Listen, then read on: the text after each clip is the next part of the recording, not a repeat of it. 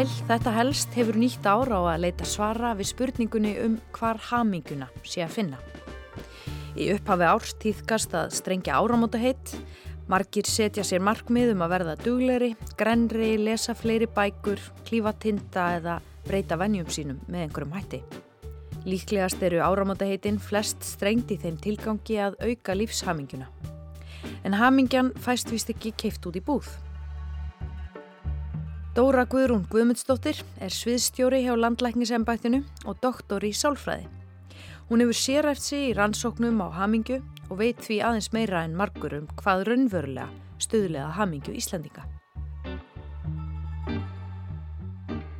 Þegar vísindamenn hófu fyrst að rannsaka þetta viðfangsefni var talið að áhyggjulöst líf væri leikillin að hamingunni.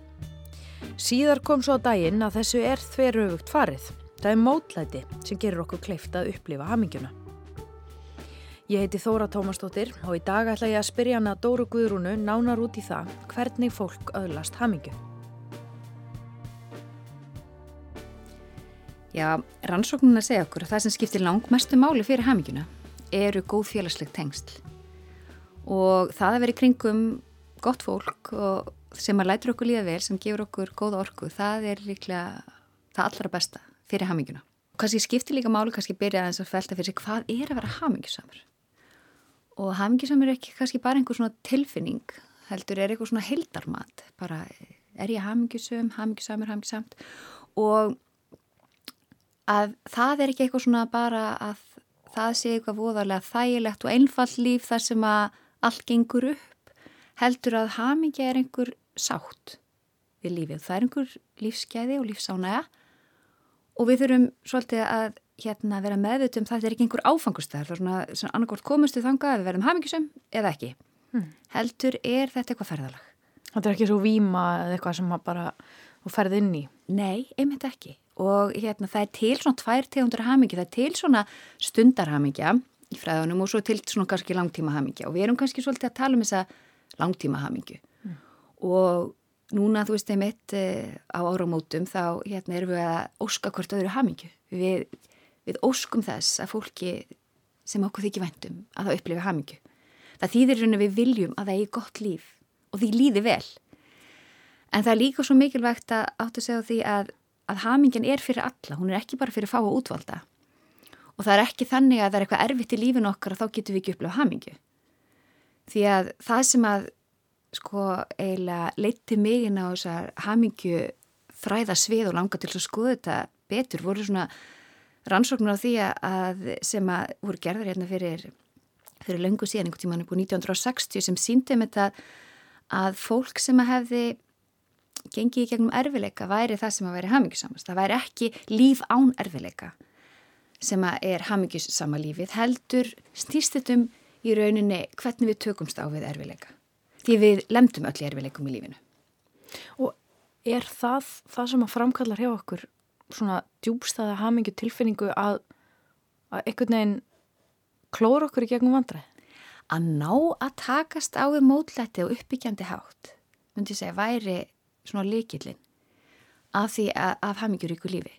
Og líka þá er svo mikilvægt að það er svona alls konar þætti sem skipta máli eins og tilfinningar hugur ekki að hafa hugur ekki til þess að upplifa alla tilfinningar, að hlaupa ekki burti frá erfiðum og sársökafullum tilfinningum í einhverja hérna, þægilega tilfinningu sem, að, sem einhver geti sagt að það veri hamingin bara þetta þægilega, heldur líka það að, að geta verið með sorginni þegar við missum eitthvað sem okkur þykir væntum og, og hérna, gefi því tíma.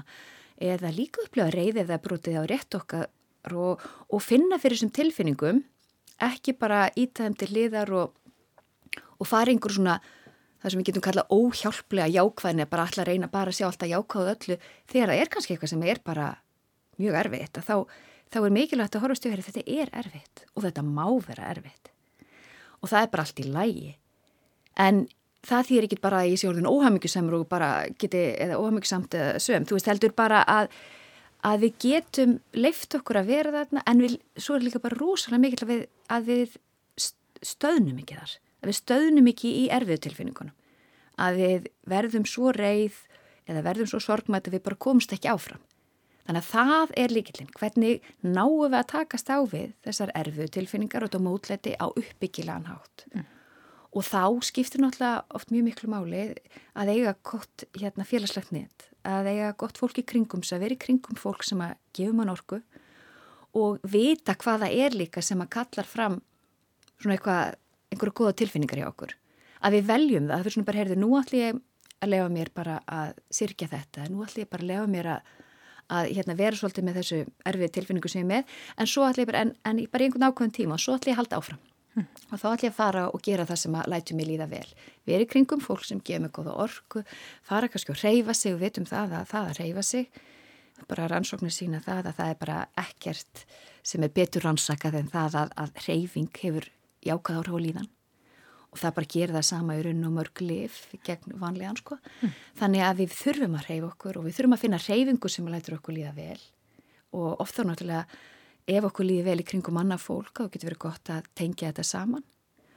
Þannig að, að það er eitthvað bara, við vitum hvað það er, kannski getur það líka verið ákveðin tónlist, kannski getur það bara ákveðin náttúra eða, eða dýr eða þú veist bara hvað er það og við séum svolítið meðvitað, hvað er það sem að lætur mér líða vel og ég get svona leitað í þegar ég er að ganga líka gegnum eitthvað erfitt. Mm. Og þetta sem þú ert að segja, þetta byggir á rannsóknum. Þú og, og aðrir hafa rannsaka haminguna. Já, mm. byrjaði, var orðið meirum 20 ár síðan, að eh, skoða hvað þetta er áhrif á hamingi Íslandinga. Og það er að þessi félagslegu tengsli maður var lang jákvæðustu áhrifin og svo það sem hefur neikvæðustu áhrifin eru fjárhás erfileikar.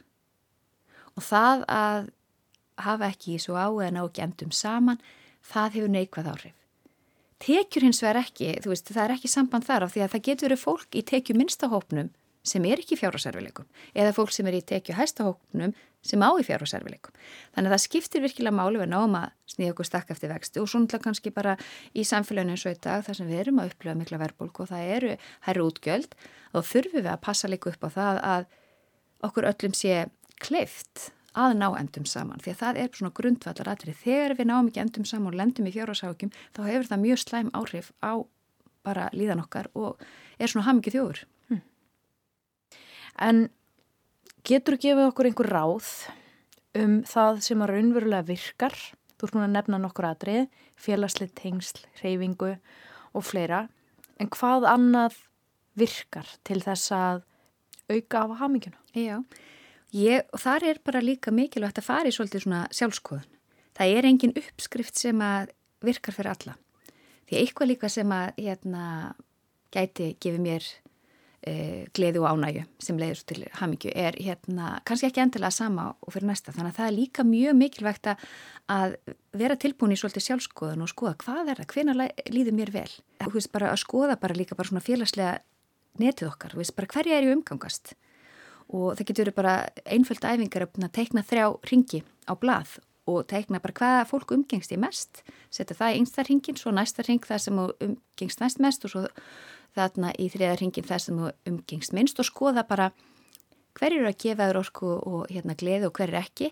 Og er kannski einhver þarna sem er í einsta ringnum sem þú myndi vilja hafa nær. Og kannski einhver sem er svolítið, þú ert umgangast mjög mikið og að taka miklu orku frá þér að hann, þú veist bara, eða viðkomandi þurfti kannski að færast aðeins í fjær bara af því að við erum líka ólíkur og það er bara allt í lægi að, að vera meðvitað um það að, að okkur kemur misvel saman mm. og það getur verið mjög hérna, líjandi að vera mjög mikið í kringum fólk sem tekur miklu orku frá okkur.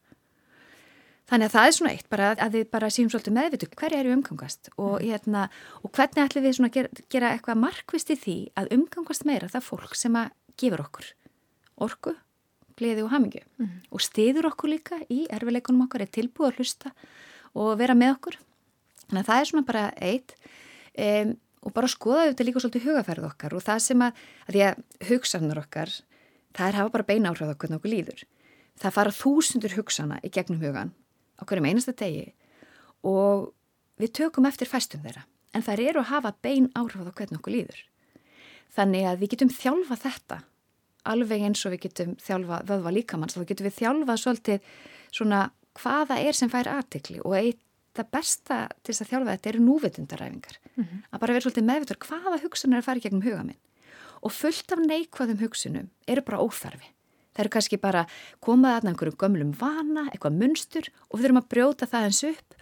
Og þá er þetta svolítið svona eins og hugsanum það síðan svo skí á himnum og við bara sjáum þar fyrir okkur og bara heyrðu, þessi hugsun, hérna, hún er að gefa mér eitthvað og hérna, ég ætla að leifa henn að vera en þessi hugsun, hún er bara ekki neitt hjálpleg og hún er bara eitthvað, eitthvað neikvæður að rífa mig niður, að draga mig niður og ég ætla bara ekki að gefa henni hérna aðtegli.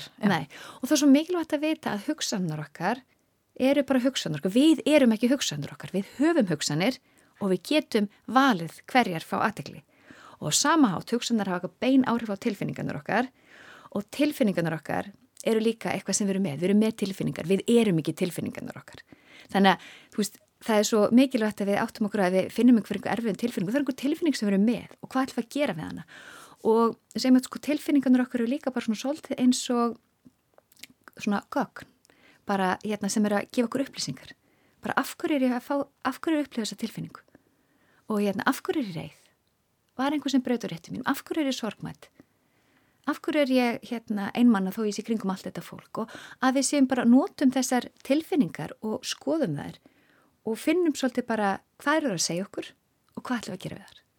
Þú hefur talað um eina svona æfingu sem getur verið gaglegt í að þjálfa sig í þakklætisæfingar Já, bara það sko í rauninni það að veita því meiri aðtegli sko því góða í lífin okkar þá getur bara þakklætisæfingar verið að við þökkum fyrir það sem að við þurfum þakklátt fyrir lífinu. Því að hérna þegar við skoðum það þá erum við öll þakklátt fyrir eitthvað. Við getum bæði tekið svona bara hvað er þakklátt fyrir lífinu almennt og svo til mjög einföld æfing sem heitir bara þrýrkóður hlutir.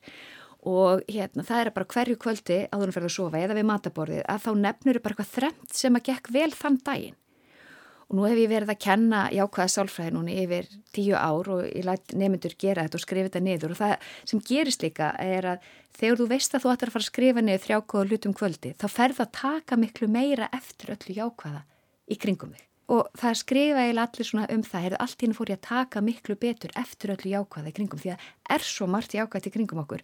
En það er stundum eins og heilun okkar sé svolítið bara forritaður í að taka meira eftir því neikvæða. Það getur verið það nú, það, það getur verið gott að vita af hverju. Eina af ástæðan getur verið svo að það hjálpaði forfæðurum okkar.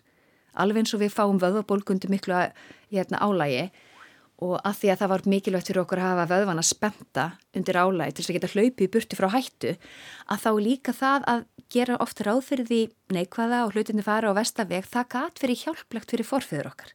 En það er ekki eins hjálplegt í dag alveg eins og að vera með bara herta vöðva fyrir fram á tölvuna eða hver sem ert að vinna er ekkit endilega mjög hjálplegt í að takast á álægi að þá að gera ráð fyrir því vesta er ekkit endilega hjálplegt í nútíma aðstæðum. Mm. Þannig að það vita, heyrðu, þetta er ekki bara ég sem er eitthvað svona neikvæð eða heldur er þetta bara eitthvað sem að ég fengi hérna í arfrangur og forförum og við ætlum bara að bara vinda hans ofan að því. Mm. Það að gera ráð fyrir alltaf því versta er ekki náttúrulega hjálplegt og þessi neikvæða hugsun sem kemur hérna, hún er ekki hjálpleg hér og þá ætlum ég bara að leifa henni að fara og velja bara eitthvað uppbyggilegra. Stundum er talum haminguna og hvað gerir okkur hamingisum, kannski var, er hún bara asnaleg, vegna þetta, þetta getur hljómað svolítið svona sjálfsmiðað og eigingjart. Já. Á sama tíma á þú segir að við raun og veru leikillina hamingunni felist í félagslegum tengslum. Já. Er eigingjart að leita að hamingunni? Það held ég alveg klárlega ekki, því að ég held líka bara hamingjusamur einstaklingur eða einstaklingar, þeir, þeir, hérna, þeir smita hamingju og hérna það, og láta gott af sér leiða, að leiða til betri hilsu og þeir er einstaklingar, já, bara láta gott af sér leiða bæði í, í kringum sig og til samfélagsins. Við hefum líka rannsóknum sem sína það. Hvað er það að leita mikið? Það kannski því er ekki leita mikið eins og að sé ekkur endastöð og það sé eitthvað svona ástand sem þú finnur bara og svo bara annarkvört er það eða ekki.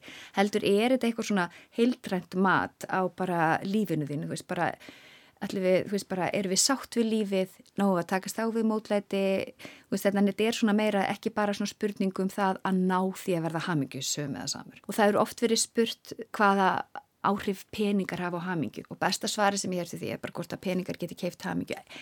E, einungis ef þú hérna, eigðir þeim í aðra sem því er að ef þú ert að byggja upp félagslegu tengslinn og það eru til rannsóknum svolítið flottar sem líka sína það að fólk heldur það að hérna, eigða peningum í sig gerir það frekar hæmingi sem heldur eigða í aðra. En það er búið að bara rannsaka það að þú færði eitthvað 25 dólara eitthvað að það, þeir sem að fara og gera eitthvað fyrir aðra þeir finna fyrir meiri hæmingu þannig að það er svolítið fallegt við það að, að það að láta gott af sér leiða það að styrkja félagslu tengstin leiðir svo líka til þess að við sem þá, hérna, við sjálf getum upplegað meiri hæmingu þannig að ég held að þetta, þetta er ekki svona einhvað eigingjart heldur það að stöðlaða meiri hamingu bara í bara lífi okkar, lífi fólksins okkar og í samfélaginu hefur jákvæð áhrif.